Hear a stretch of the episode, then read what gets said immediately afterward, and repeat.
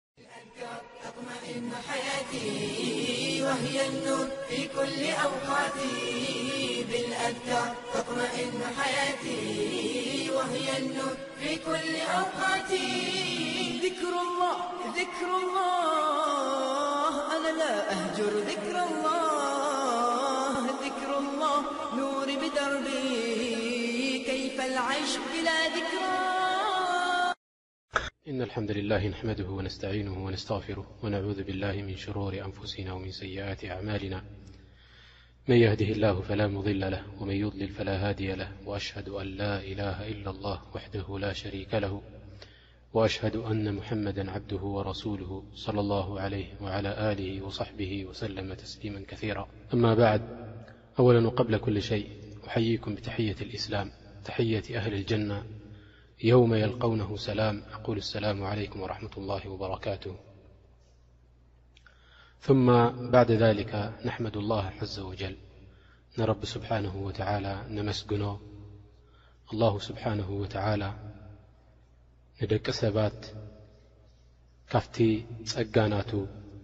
كيحتتዎ ሂبዎ ካብቲ ዝዓበየ ጸጋ ናቱ ዝሃቦም ኣላሁ ስብሓነሁ ወተዓላ ንዞም ፍጡራት ከኣ ብእኡ እምነት እዩ። ኣብ ምሉእ ህይወት ናይ ሰባት ወይ ካብ ዝፍጠር ዓለም ክሳብ የውም ኣልቅያማ ዝኸውን ናይ መጨረሻ ሰዓት ትኾነሉ እዋን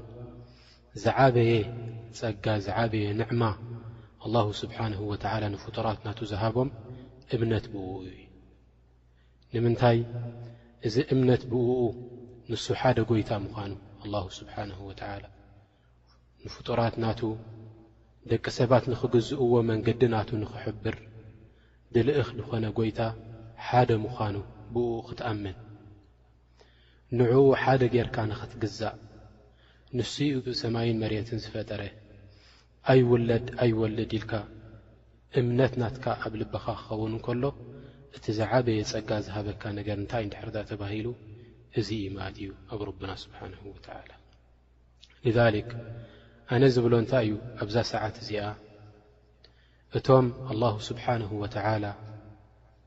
ካብቲ ናቱ ሽሻይ ካብቲ ናቱ ጸጋ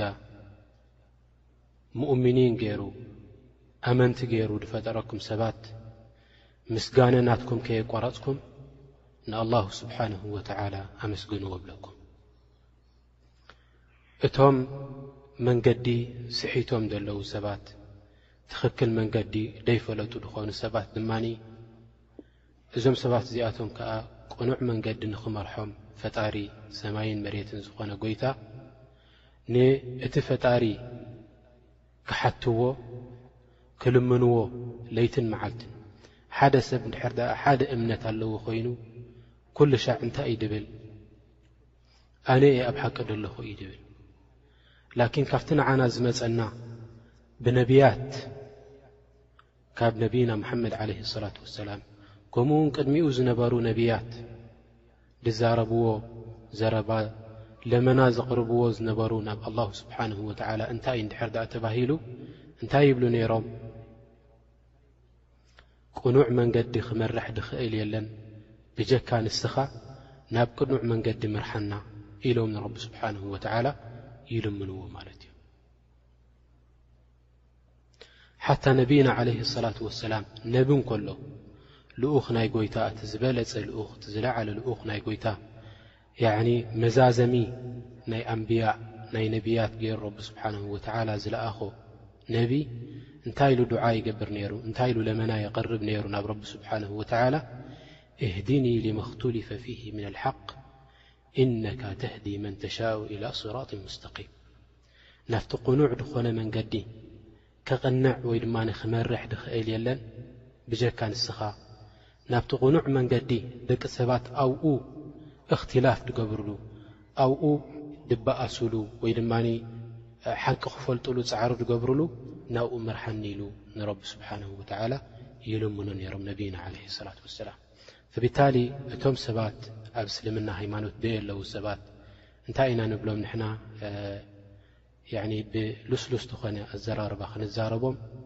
ሓቂ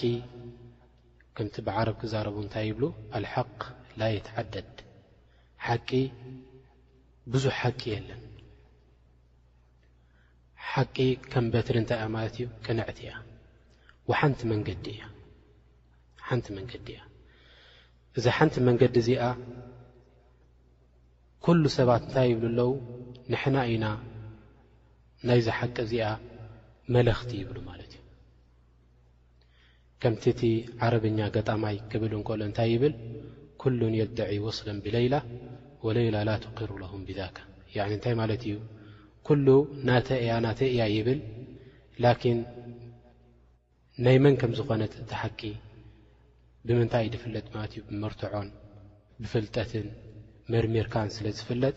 እንታይ ይብሎም ማለት እዩ ኣነ ጻዕሪ ግበሩ ድለዩ እቲ ሓቂ እሱ ጥራሕ እዩ እቲ ንሕና ዘለናዮ ጥራሕ እዩ ከይበልካ እንድሕር ደኣ መርሚርካን ጽዒርካን እሞ ኸኣ ጎይታ እንድሕር ደኣ እቲ ናትካ ልቢ እንድሕር ድኣ ንጹህ ምዃኑ ፈሊጥዎ ሓቂ ደላይ ምዃንካ እንድሕር ድኣ ፈሊጡካ ኣላሁ ስብሓንሁ ወተዓላ ናብ ቅኑዕ መንገዲ ክመርሓካ እዩ ማለት እዩ ናብ ቅኑዕ መንገዲ ክመርሓካ እዩ ማለት እዩ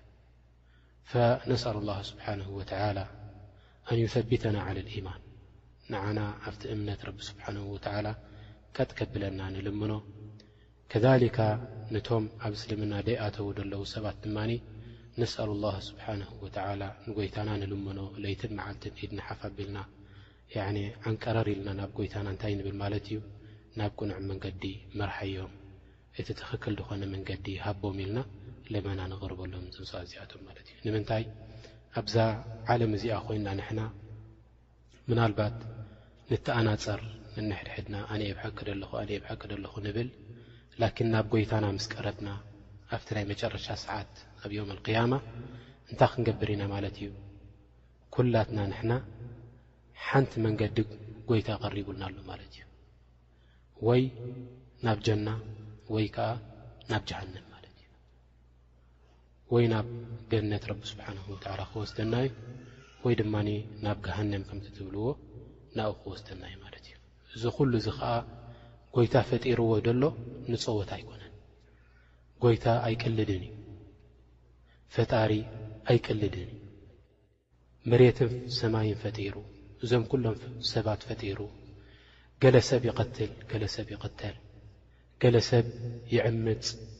ገለ ሰብ ቅኑዕ መንገዲ ይገብር እዞም ኩሎም እዚኣቶም ኣብቲ ናይ መጨረሽታ ሰዓት ናብ ረቢ ስብሓንሁ ወተዓላ ምስ ቀረቡ ኣብ ዮም ኣልቅያማ ኩሎም እዚኣቶም ሓደ ይፍርዶም ድብል ሰብ እንድሕር ደኣ ኮይኑ እዚ ዓመፀኛ እዩ ዝበሃል ማለት እዩ። ስለዚ ወላ ስነ ኣእምሮ ጌርካ እንድሕር ድኣ ርኢኻዮ ከማን ኣብ ደቂ ሰባት ከማን ቅቡል ኣይኮነን እዚ ነገር እዚ ስለዚ ናብ ጎይታና ምስ ቀረብና ንሕና እቲ ዘይቅልድ ድኾነ ጎይታ ሰማይን መሬትን ድፈጠረ ንሓቂ ኢሉ ድፈጠሮ ንሓንቲ መዓልቲ ፍርዲ ዘለዋ መዓልቲ ኢሉ ዝፈጠሮ ጎይታ ናብ ቅኑዕ መንገዲ ንክመርሓና ለመና ክነቕርብ ይግብኣና ማለት እዩ ናብ ቅኑዕ መንገዲ ክመርሓና ካብቲ ናቱ መቕጻዕቲ ገሃነም ኣርሒቑ ናብ ጀና ንኸእትወና ልመናና ክንቀርብ ይግብኣና ማለት እዩ። እዚ ክንብል እንከለና ድማ እንታይ እዩ ከምቲ ያኒ ክጠቕሶ ዝጸናሕኩ ምሽዶ ንሕና ፍጡራት ከምኡ ውን ብዙሕ ጌጋታት ተሰኪምና ንኸይድ ዘለና ሰባት ኣይኮናንሲ እቶም ነብያት ዓበይቲ ሰባት ዝኾኑ ኣብ ፈጣሪ ከም በዓል እብራሂም ዓለይሂ ሰላም፣ ሙሳ፣ ዒሳ፣ ኢየሱስ ትብልዎ ንስኻትኩም፣ ነቢና ሙሓመድ ዓለይሂ ሰላቱ ወሰላም፣ ቅድሚኡ ዝነበሩ ኣንብያእ፣ ብድሕሪኦም ዝነበሩ ኣንብያእ፣ ኩሎም እዚኣቶም ንጎይታ ክሓትዎ እንከለዉ ብፍርሕን ንጎይታ ክሓትዎ እንከለዉ ብሕንኽን እዮም ድሓትዎ ማለት እዩ ንኣላሁ ስብሓነሁ ወተዓላ። ንምንታይ? ኩሉ እቲ መለኩት ናይ ሰማይን ናይ መሬትን ኣብ ኢድ ናይ ረቢ ስብሓነሁ ወተዓላ ስለ ዝኾነ ንሱ እዩ ኸኣ ናብ ቅኑዕ ዝመርሕ ንሱ እዩ ኸኣ ካብ መኣዘቕቲ ናብ ራህዋ ደሰጋግር። ቀቅድሚ ምጅማረይ እቲ ናትና ደርሲ ወይ ድማ እቲ ናትና ኣስተምህሮ እንታይ ክብል ፈቱ ያኒ ኩላትና ንሓቂ ንለምን ኩላትና ንሓቂ ከብጽሓና እቲ ጎይታና ብንጹህ ልቢ ክካታዕ ኢለ ደይኮንኩ ኣነ ስዒረ ኣብዚ ሕጂ ዝዛረቦም ዝጸናሕኩሲ ጽቡቕ ጥቕስታት ስለ ዘለኒ ብእኡ ገይረ ንዞም ሰባት እዚኣቶም ገጢመዮም ገለ ደይኮነሲ እቲ ናትካ ሕልና ወይ ድማ እቲ ናትካ መቕሰድ ዓላማ እንታይ ክኸውን ኣለዎ ዓላማኻ ንስኻ ኣብ ቅኑዕ ንኽበጽሕ ኢለ እየ ሃይማኖት ጸወታ ኣይኮነን ናብ ቅኑዕ ንክበጽሕ ንምንታይ ኣነ ብዛ ዓለም እዚኣ ሱሳ ዓመት ኮይኑ ሚእቲ ዓመት ኮይኑ ወላ ሚእትን ሓምሳን ዓመት ኮይኑ ድሕር ድኣ ተቐሚጠ ብድሕሪኡ ክመውት እየ ብድሕሪኡ እቲ ናይ መጨረሻ ዘይብሉ ዝኾነ ህይወት ናብኡ እንታይ ክገብር እየ ማለት እዩ ናብኡ ፍርዲ ክቐርብ እየ ናብ ኣላሁ ስብሓንሁ ወተዓላ ስለዚ ካብዚ መዓልቲ እዚ ንኽድሕን ምእንቲ ጻዕሪ ክገብር ይግብኣኒ ብንጽህና ኸዓ ናብኡ ክበጽሕ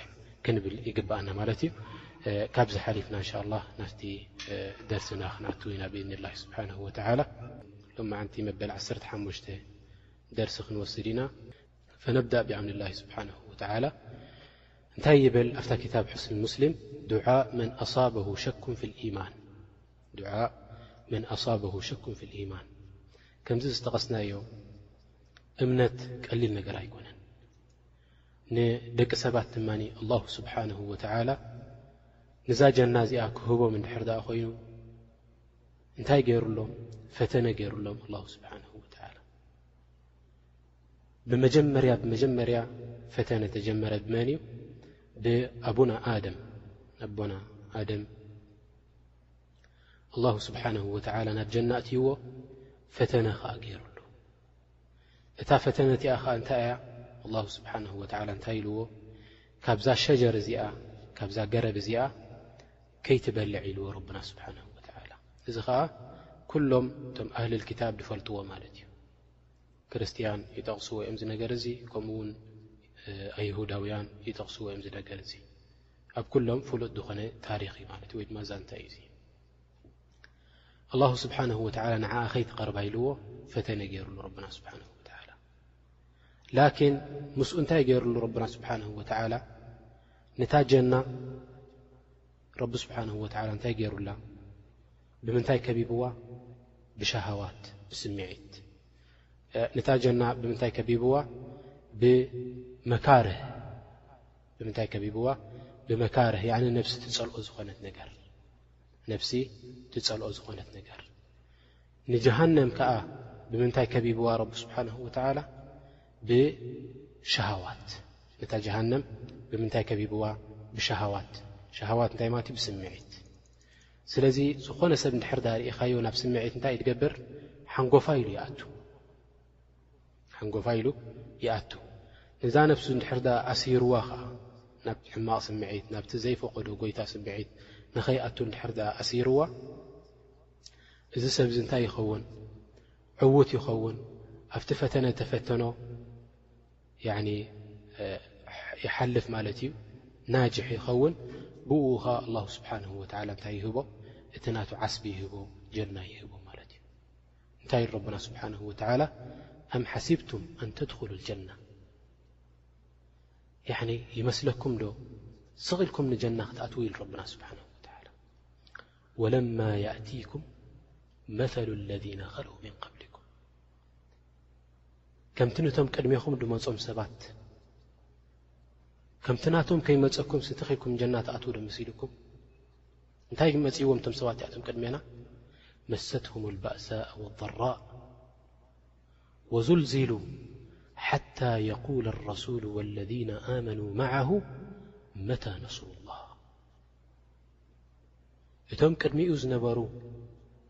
ኣንብያእ፣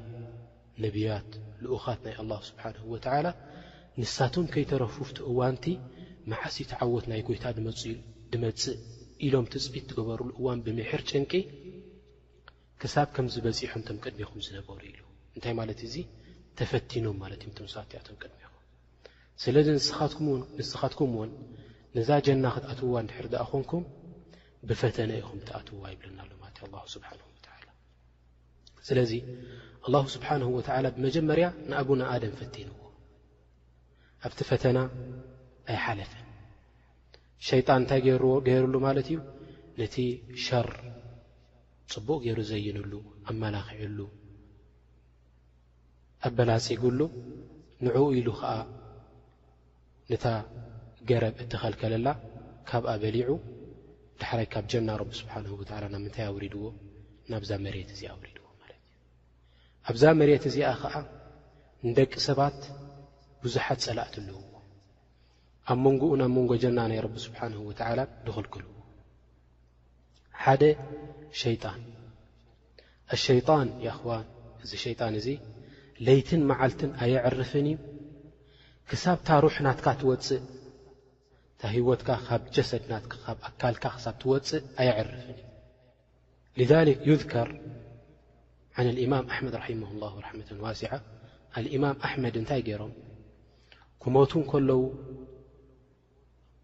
እቶም ኣዕሩኽቶም ናቶም እቶም ደረሳ ናቶም እቶም ኣብ ትሕቲኦም ዝመሃሩ ዝነበሩ ተምሃሮ ናቶም መፂኦም ኢሎሞም ቁል ላኢላሃ ኢላ ላ ላኢላሃ ኢላ ላ በል ኢሎሞ እንታይ ይብሉ ነይሮም ንሶም ላኢላሃ ኢላ ላ በል እንዳበልዎም ከለዉ ላላላ ይብሉ ነይሮም ዳሕራይ ካብቲ ደኺሞሞ ዝነበሩ ምስ ተበራበሩ ተዛሪቦሞም ንቶም ተማሃሮ ናቶም። እቶም ተማሃሮ ሰንቢዶም ኢሎሞም ንሕና ላኢላሃ ኢለላህ በል እንዳበልናካሲ ንምንታይ ላእ ላእ ትብለና ኔርካ? እንታይ ኢሎሞም ኣልኢማም ኣሕመድ ኣነ ኣብ ኣፍ ደገ ሞት እንከለኹ ሸይጣን መጺእኒ ኢሉ መጺኡ እንታይ ኢልዎም የኣሕመድ ኣፍለታ ምኒ ያ ኣሕመድ ኣንታ ኣሕመድ ሕጂ ኢኻ ካባይ ዝሞለቕካ ሞሊቕካኒ ኢልዎ እንታይ ኢሎሞ ንሶም ከኣ ናይ ብሓቂ ንረቢ ስብሓንሁ ወተዓላ ድፈለጡ ሰብኣይ ስለ ዝኾኑ እዞም ሰብኣይ እዚኣቶም እቲ ናቶም እምነት ንኣላሁ ስብሓንሁ ወተዓላ ብንጽህና ኢሎም ስለ ዝኣመኑሉ ኣነ ብፍልጠተይ ኣነ በቲ ናተይ ሓያል ዝኾነ ፍልጠት ስለ ዘለኒ ሓያል ዝኾነ ዘካእ ስለ ዘለኒ ደይኮንኩ ንረቢ ስብሓን ወተላ ኣሚነሉ እንታይ ደኣ በቲ ናቱ ጸጋየ ኣሚነሉ ስለዚ እንታይ ይብሎ ነረ ን ሸይጣን ኢሎም ላ ልሳዓ የፍለትኩን ማዳም ኣብ ኣዱንያ ኣለኹ ኣነ እታ ሩሐይ ካብ ኣካለይ ኣይወፀትን ገና ኣየፍለትኩን ኣለኹ ካባኻ ገና ኣይመለቕኩኻን ኣለኹ ኢለ ይምልሰሉ ነረ ንኡ ኢሎም ማለት እዩ ذሊክ ኣሸይጣን ኢላ ኣን የሙተ እብኒ ኣደም ፈህዋ ማዓሁ ምስኡ እዩ ደድሕሪ እዩ ዝሕልዎ ደድሕሪ እዩ ዝኸይድ ክሳብታ ህይወቱ ትወፅእ ብእምነት ንድሕር ድኣ ወፅያ ኡይ ይብል ሸይጣን እዚ ንምንታይ መታእትውትኒ ንጀሃንም ክገብሮ ዝሓሰበ ሞሊቕዎ ዝሰብዚ ማለት እዩ እንድሕር ደኣ ብዘይ እምነት ኣውጺእዎ ካብዛ ኣዱንያ እዚኣ ከኣ ሓደ እንታይ ረኺቡ ማለት እዩ ሓደ መተኣትውቲ ንጀሃነብ ምስኡ ዝኾኑ ሰባት ረኺቡ ማለት እዩ ስለዚ እዚ ሰብ እዚ ቀዳማይ ጸላኢኡ ኣብ ፈተና ናቱ መን ኣለዎ ሸይጣን ኣለዎ ካልኣይ መን ኣለዎ ኣነፍሲ ኣማራ ብሱእ ነፍስኻ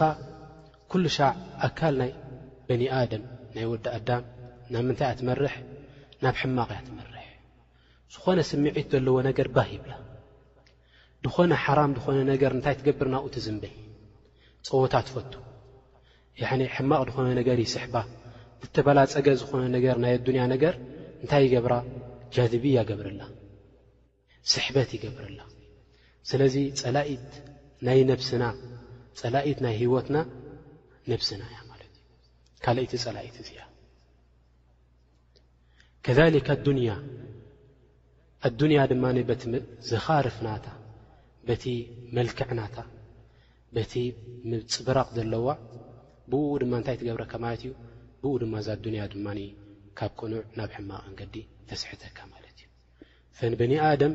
ብዙሕ እንታይ እዮም ዘለውዎ ፀላእቲ ካብ ጀና ናብ ጀሃንም ደርሕቑ ብዙሓት ፀላእቲ እዮም ዘለውዎ ማለት እዩ ስለዚ እዚ ሰብ እዚ እዚ ሰብ እዚ ካብዚኣቶም ሓደ ጸላኢ እንድሕር ደኣ ኣንጸባሪቑ ኣርእይዎ ካብ እምነት ናቱ ክምንዝዖ ደልዩ ሸኪ ጥርጥር ኣብ እምነት ናቱ እንድሕር ደኣ ኣእትዩሉ እንታይ ኢሉ ዱዓ ይገብር ኣላሁ ስብሓንሁ ወተዓላ ትምህርቲ ሂቡና ነቢና ዓለይህ ሰላት ወሰላም ትምህርቲ ሂቦምና ከመይ ጌርና ካብዚ ጥርጥር እዚ፣ ካብዚ ሸኪ እዚ እምነትና ከይንስሕት ምእንቲ ከመይ ጌርና ንረብና ስብሓነሁ ወተዓላ ንልምን ትምህርቲ ሂቡና ማለት እዩ። ኣላሁ ኣክበር። እዚ እንታይ እዩ ዘረድኣካ? ርህራሀ ናይ ጎይታና ኣላሁ ስብሓነሁ ወተዓላ ንዓና ጽቡቕ ደኣ እምበር ሕማቕ ከም ዘይደልየልና ዘረድእ ነገር እዩ ማለት እዩ። ናብዚ ዓለም እዚኣ ምስ ፈጠረና ረብና ስብሓን ወላ ናብዚ ዓለም እዚኣ ምስ መሰውረዶ ንኣቦና ኣደም ንሕና ከዓ ብ ኣብኣ ምስ ተፈጠርና ስዲ ይገደፈና እንታይ ደኣ ሕግታት ገይሩልና ከመልና ናብኡ ከም ንበፅሕ እንታይ ይፈቱ ገሊፁልና ከመልና ካብቲ ንሱ ዝፀልኦ ድማ ከም ንርሕቕ ድማ ገሊፁልና ማለት እዩ ልዛሊክ መን ኣሳበሁ ሸኩን ፊ ኢማንሂ ሓደ ሰብ ኣብ ኢማን ናቱ እንድሕር ድኣ ሸኪ በዞም ጸላእቲ ናቱ እዚኣቶም እንድሕር ድኣ ንእሽተይ ጥርጥር ኣጋጢምዎ ከምዚ ኢሉ ዱዓ ይገብር ማለት እዩ ኣወለን የተዓወዝ ብላሂ ምና ሸይጣን ረጂም እንታይ ይገብር ኣዑዝ ብላሂ ምና ሸይጣን ረጂም ይብል ንምንታይ ቀዳማይ ጸላእ ናቱ ሸይጣን ስለ ዝኾነ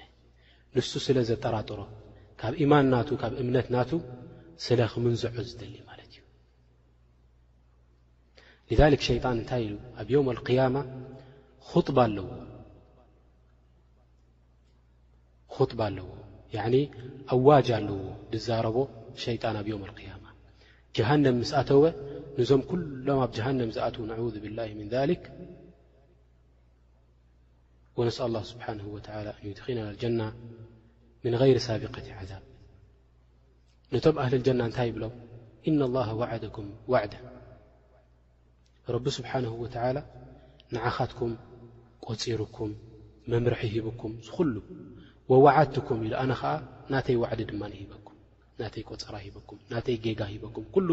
ኣመላኺዐ ኣርእየኩም ኢሉ ብድሕሪኡ እንታይ ይብሎም ፈማ ካነ ልየ ዓለይኩም ምን ሱልጣን ኢላ ኣን ደዓውትኩም ፈስተጀብቱም ኣነሲ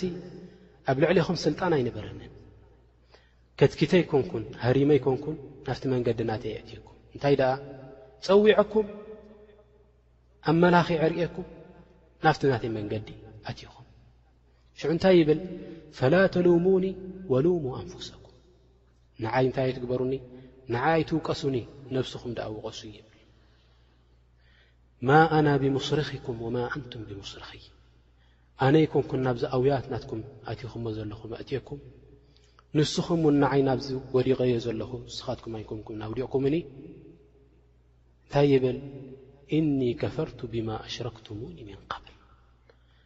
ኣነ ብኣኻትኩም ይኽሕድ ኣለኹ ብኣኻትኩም ይከፍር ኣለኹ ይብል ሸይጣን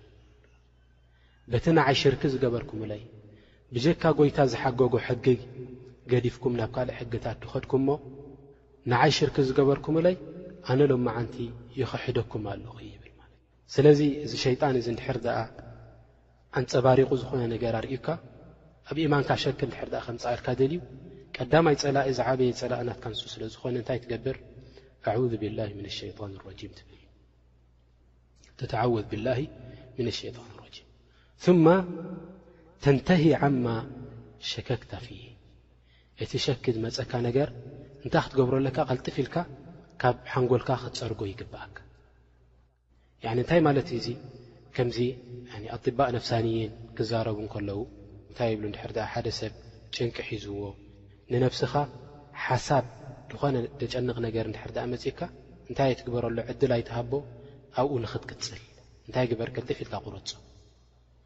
ስለዚ እዛ ነፍስኻ እውን ብኡ ገይራ ምእንቲ ከይትመርሓካ በቲ ሸይጣን ዝሃበካ ሸኪ እንታይ ትገብር ስትዓዛ ምስ ገበርካ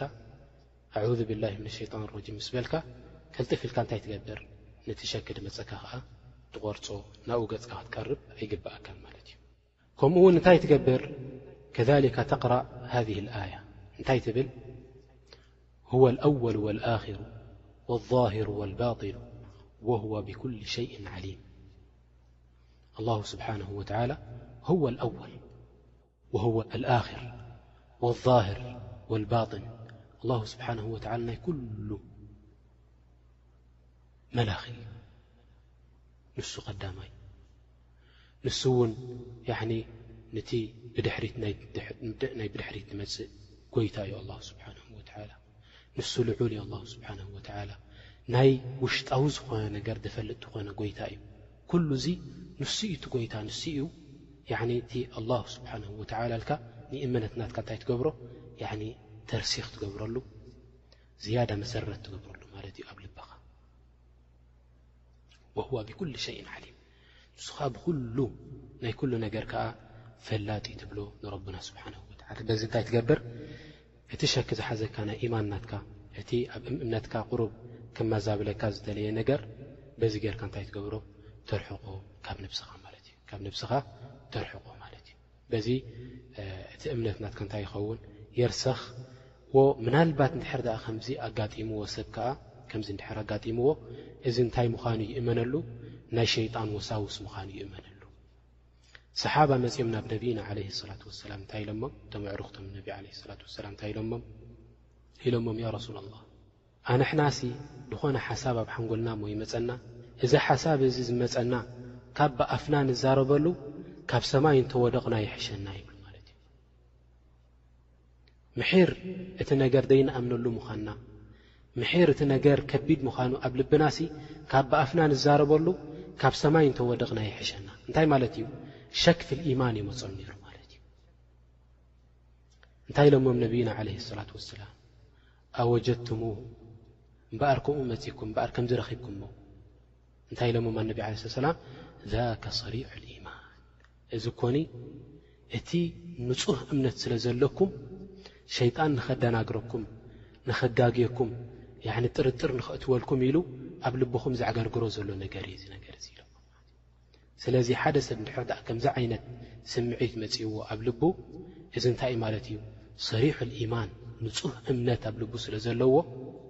ንዕኡ እዩ ክጋግዮ ኢሉ ሸይጣን ድመጽእ ደሎ ማለት እዩ لذሊክ እንታይ ኢሎሞም የሁዲ መጺው ናብ እብኒ ዓባስ ረድ ላሁ ን ኣርض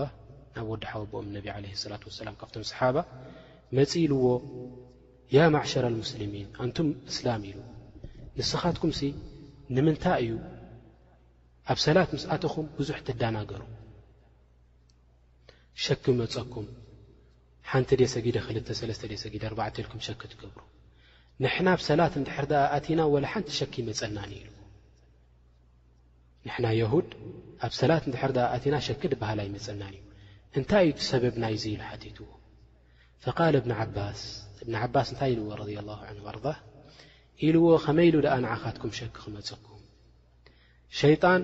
ድደልዮ ረኺቡ እንዲ ካባኻትኩም ማ የፍዓሉ ሸይጣን ብቀልቢን ኸርብ ሸይጣን ሲ ሓደ ልቢ ኸርባን ዝኾነ ዝበረሰ ዝኾነ ልቢ እምነት ዘይብሉ ዝኾነ ልቢ ሲ እንታይ ኸጋጊ ኢሉ እዩሞ ናብኡ ክመፅእ ኣስለን ኢማን ናትኩም ብረቢ ስብሓንሁ ወተዓላ ቅኑዕ ኣይኮነን ስለዚ ናባኻትኩምስ እንታይ ኢሉ ዩ ክመፅእ እንታይ ከጋጊዩኩም ኢሉ ክመፅእ እንተ ንሕና እሞ ብሓደ ጎይታ ሰማይ መሬትን ዝፈጠረ ዝኾነ ጎይታ ንሱ መላኺ ንሱ ኣሕዋይ ንሱ ቐታሊ ንሱ ወሃቢ ንሱ ከላኢ ዝኾነ ጎይታ ንኣምነሉ ካብኡ ንኸመዛብለና ኢሉ ይመጸና ከጋግየና ይጽዕር ኢሉ ማለት እዩ